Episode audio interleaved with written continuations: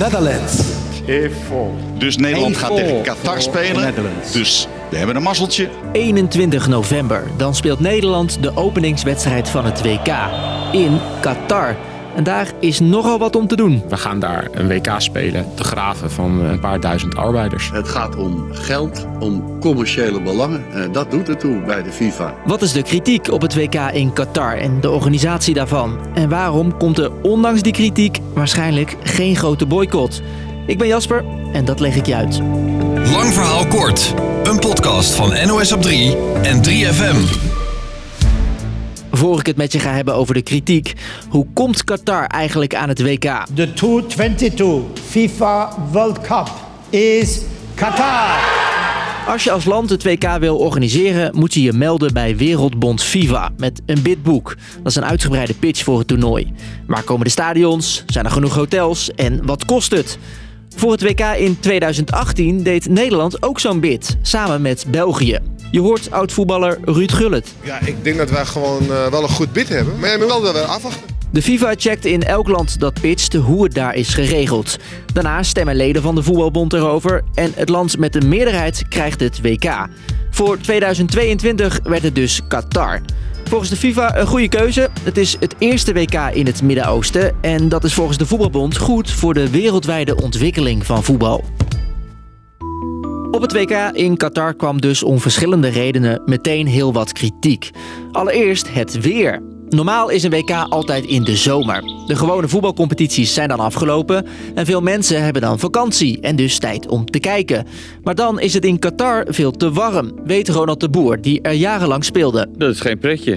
Eh, ik denk zeker in juni en dan naar de finale toe. Hè. Dus begin juli. Dan praat je toch echt wel over 42, 43 graden. En dus is het WK nu voor het eerst in de winter. Zodra bekend werd dat Qatar het WK kreeg, klonken ook direct beschuldigingen van corruptie.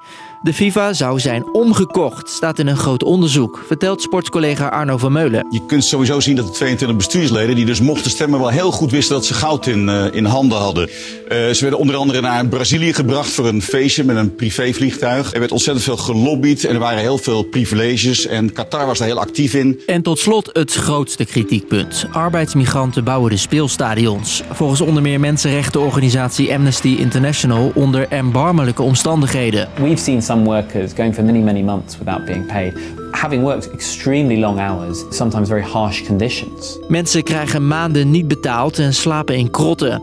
Tijdens het werken in voorbereiding op het WK zijn heel veel arbeidsmigranten omgekomen. Cijfers daarover lopen uiteen, maar volgens Amnesty waren het er in 10 jaar tijd duizenden. Al blijft het bij schattingen, zegt een woordvoerder. En het probleem is eigenlijk dat de regering van Qatar, als er een arbeider overlijdt, geen goede autopsie doet. Dus je kunt nooit zeggen van iemand is overleden door de hitte in het bouwen bijvoorbeeld. En sportjournalist Thijs Zonneveld voegt daar aan toe. Er zitten nog steeds in Nepal en in Bangladesh en weet ik veel wat allemaal families zonder hun vader, broer, zoon, weet ik veel wat. En die daar niet eens ook het geld hebben gekregen wat die jongen of die man daar heeft verdiend. Er wordt gewoon simpelweg gezegd, die paar duizend arbeiders, nou jammer dan dat ze dood zijn. Wij gaan geld verdienen en we gaan een voetbaltoernooi houden. Verschillende landen hebben al aangegeven om het WK van Qatar over te nemen, mocht de FIFA na alle kritiek overstag gaan. If Qatar is disqualified, then we'd be very keen to have the finals right here in Melbourne. London is ready. If it uh, turns out that the thing has been corrupted. Maar dat is volgens juristen geen optie. Te veel contracten met bijvoorbeeld aannemers en sponsoren zijn allang getekend. Zowel in de politiek als in de sport gaat het erover dat Nederland en voetbalbond KNVB niet zouden moeten gaan. Ik zou het liefst een boycott willen van het, van het WK. Het wordt een WK van verdriet en van, van een, een, een bodem die doordrenkt is met bloed. Ik denk dat ik, dat ik het heel erg fijn zou vinden dat uh, de KNVB een statement zou maken. Echt een sterk statement. Maar niet gaan is lastig, want de FIFA kan een land dan beboeten en disqualificeren voor de toekomst. De KNVB zegt dat het Nederlands elftal wel gaat en nog nadenkt over een statement. Al denkt bondscoach Van Gaal dat dat niet zoveel effect gaat hebben. Het klopt niet. Maar dat kan ik uh, direct in Qatar zeggen. Dat helpt de wereld uh, niet van dit probleem af. En daar is Amnesty het mee eens. Een boycott, dat, dat klinkt wel mooi. Maar daar ga je die migrantarbeiders niet mee helpen. Uh, dus je moet niet, niet voor zorgen dat ze hun baan kwijtraken door te boycotten. Maar je moet zorgen dat ze in betere omstandigheden kunnen werken daar zo. Dus, lang verhaal kort.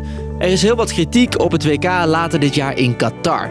Het land zou de FIFA hebben omgekocht en bij de bouw van de stadions zouden duizenden mensen zijn omgekomen. Het WK volledig boycotten lijkt niet echt een optie. Wel is de KNVB van plan een statement te maken.